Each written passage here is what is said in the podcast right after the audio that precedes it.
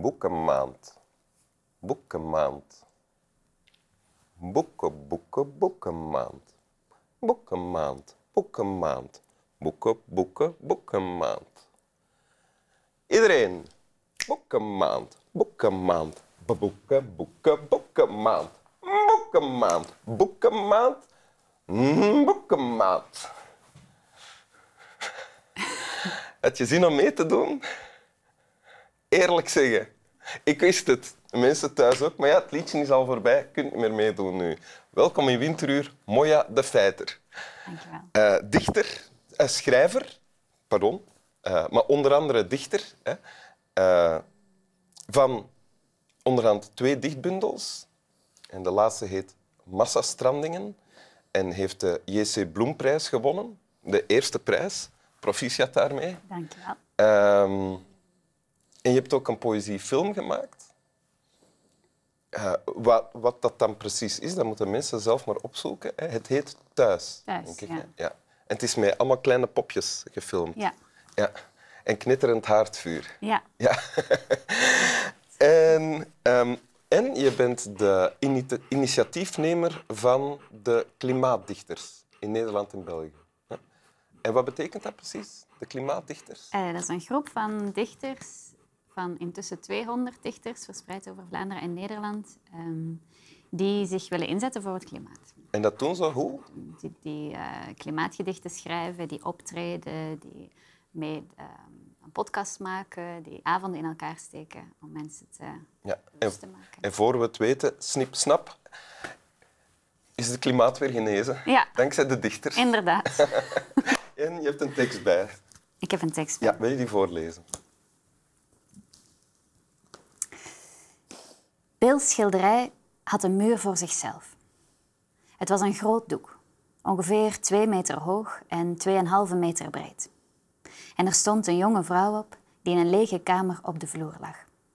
Ze steunde op haar elleboog en leek naar iets te kijken wat zich buiten de rand van het schilderij bevond. Er stroomde aan die kant helder licht naar binnen, dat op haar gezicht en borst viel. Haar rechterhand rustte op haar schaambeen en toen ik dichterbij kwam, zag ik dat ze een miniatuurtaxi in die hand hield. Een piepkleine versie van de alom tegenwoordige gele taxi die door de straten van New York kruist. Even later ontdekte ik pas dat er in werkelijkheid drie mensen op het schilderij stonden. Ik zag dat er helemaal rechts, aan de donkere kant van het doek, een vrouw het schilderij uitliep. Alleen haar voet en enkel waren nog binnen de lijst te zien. Maar de mocassin die ze aanhad was uiterst zorgvuldig geschilderd. En toen ik hem eenmaal had ontdekt, ging mijn blik er telkens naar terug. De onzichtbare vrouw werd even belangrijk als de vrouw die het schilderij domineerde. De derde persoon was alleen een schaduw.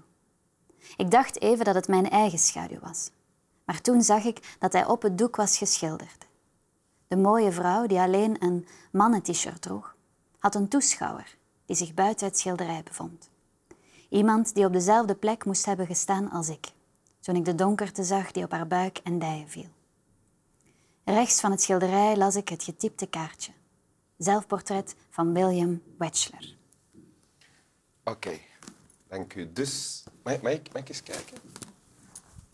Het komt uit een roman van Siri Hustvedt.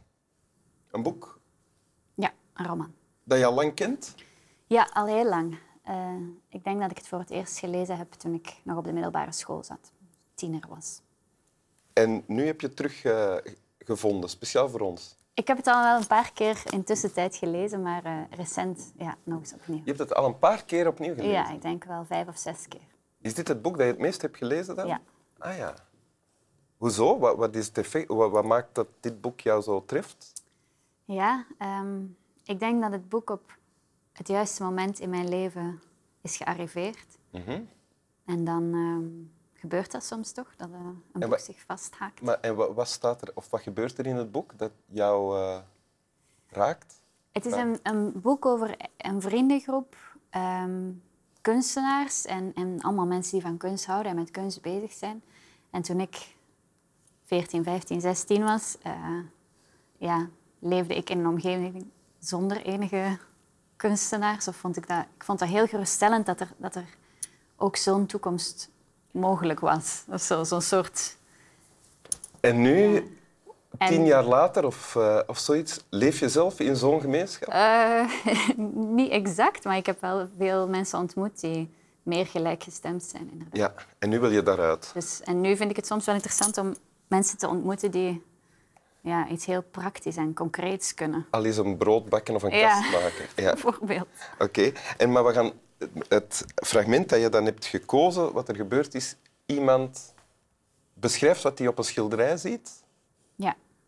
Ehm, en die iemand, is dat die Bill uit de allereerste regel van het fragment? Eh, dus Bill, Bill's is de, schilderij had ongeveer had een muur voor zichzelf. Bill is de kunstenaar. Bill is de kunstenaar. De persoon die ik beschrijft is Leo. eh, en dat is zijn beste vriend die het schilderij heeft gekocht. Ah, Oké, dus Leo kijkt naar het schilderij van Bill, of Ja. William, dat is dezelfde. Ja, William is Bill. Ja. En dan ehm, eigenlijk is dit stukje tekst de introductie van Bill. is de eerste keer dat die naam wordt vermeld in het boek. Ah ja? Eh, ja, en dat vind ik zo bijzonder, dat, die, dat dat personage wordt geïntroduceerd aan de hand van een beeld, aan de hand van een schilderij van zijn werk, waar hij zelf niet eens op staat. En dat dan toch een zelfportret is. Ah ja. Klopt het dat hij er niet op staat? Ja, er staat... eh, Maar misschien is hij de schaduw. ja, dat kan. Wacht, want wat is er te zien op het schilderij? Er is een vrouw te zien die op de grond ligt, eh, centraal, en dan en een gele taxi vasthoudt, Ja? speeltaxi. En op wie licht valt? Hè? En op wie licht valt, ja, dus die duidelijk centraal in het beeld staat. En dan is er een vrouw die het beeld uitloopt, waarvan we alleen de schoen kunnen zien. Eh, en dan is er een schaduw. Ja. En, maar, en die twee figuren die, die zijn belangrijk, neem ik aan. Of die, stel, die vertegenwoordigen iets. Ja, dus de centrale vrouw is de vrouw eh, op wie hij verliefd is op dat moment. En de vrouw die het beeld uitloopt, is de vrouw waarmee hij, waarmee hij getrouwd is, denk ik, op dat moment nog. Eh, en met wie hij een zoon heeft. Dus hij zit tussen die vrouwen in. Ja. Ja. En dan die schaduw is ofwel hij zelf als kunstenaar, of Leo, Ah, degene die naar het schilderij staat te kijken. misschien, ja. Of een, een algemene toeschouwer, kijker. En wat kies jij? Voor welke in- interpretatie kies jij? Eh, ik denk dat elke kunstenaar ja, een kijker nodig heeft. Dus ik, ik zou gaan voor het publiek. Ja? Ja? Oké. ik kies voor het zelfportret. ja? Ja? Allee, nee, nee, ik kies voor het- dat, dat, dat hij het is, want het heet zelfportret. Maar dat is misschien te kort door de bocht. Hè. Eh, maar ja, maar dat is het, ook het leuke. Niemand gaat, kan beargumenteren dat hij gelijk heeft hier. Hè. We kunnen het schilderij ook niet zien. Nee. En waarom heb je dit fragment gekozen? Ja, ik vind... ehm, voor mij is eigenlijk het zelfportret niet die schaduw, maar die, die interactie tussen die vrouwen en die schaduw. Dus ik vind het heel mooi om een personage te introduceren ehm, door de personen die belangrijk zijn voor die persoon. Dus bijvoorbeeld, ja, alsof we mens worden door de mensen van wie we houden. Dus bijvoorbeeld, als ik zou zeggen aan iemand... Ik heb vandaag eh, Moya de Feiter ontmoet. En ze vragen mij, wie is Moya de Feiter? Dat ik dan iets vertel over je ouders en je partner bijvoorbeeld.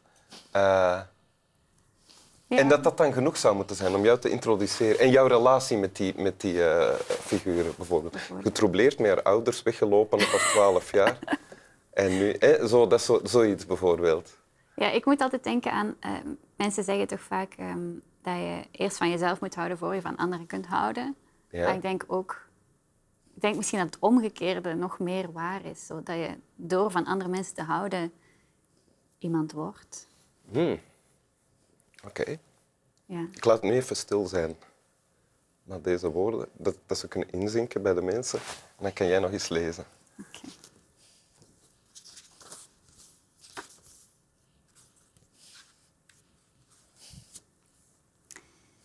Bill's schilderij had een muur voor zichzelf. Het was een groot doek, ongeveer twee meter hoog en 2,5 meter breed. En er stond een jonge vrouw op die in een lege kamer op de vloer lag. Ze steunde op haar elleboog en leek naar iets te kijken wat zich buiten de rand van het schilderij bevond. Er stroomde aan die kant helder licht naar binnen, dat op haar gezicht en haar borst viel. Haar rechterhand rustte op haar schaambeen en toen ik dichterbij kwam, zag ik dat ze een miniatuurtaxi in die hand hield. Een piepkleine versie van de alom tegenwoordige gele taxi die door de straten van New York kruist. Even later ontdekte ik pas dat er in werkelijkheid drie mensen op het schilderij stonden. Ik zag dat er helemaal rechts aan de donkere kant van het doek een vrouw het schilderij uitliep. Alleen haar voet en enkel waren nog binnen de lijst te zien, maar de mocassin die ze aanhad was uiterst zorgvuldig geschilderd. En toen ik hem eenmaal had ontdekt, ging mijn blik er telkens naar terug. De onzichtbare vrouw werd even belangrijk als de vrouw die het schilderij domineerde. De derde persoon was alleen een schaduw. Ik dacht even dat het mijn eigen schaduw was, maar toen zag ik dat hij op het doek was geschilderd. De mooie vrouw die alleen een mannen-t-shirt droeg, had een toeschouwer die zich buiten het schilderij bevond. Iemand die op dezelfde plek moest hebben gestaan als ik, toen ik de donkerte zag die op haar buik en dijen viel. Rechts van het schilderij las ik het getypte kaartje. Zelfportret van William Bachelor. Dank u. En excuses voor het gesnurk van de heer Swami Bami. Slaap wel. Heb je dat niet gehoord? Ja, ik vond het wel rustgevend. Oké. Doe maar voort dan.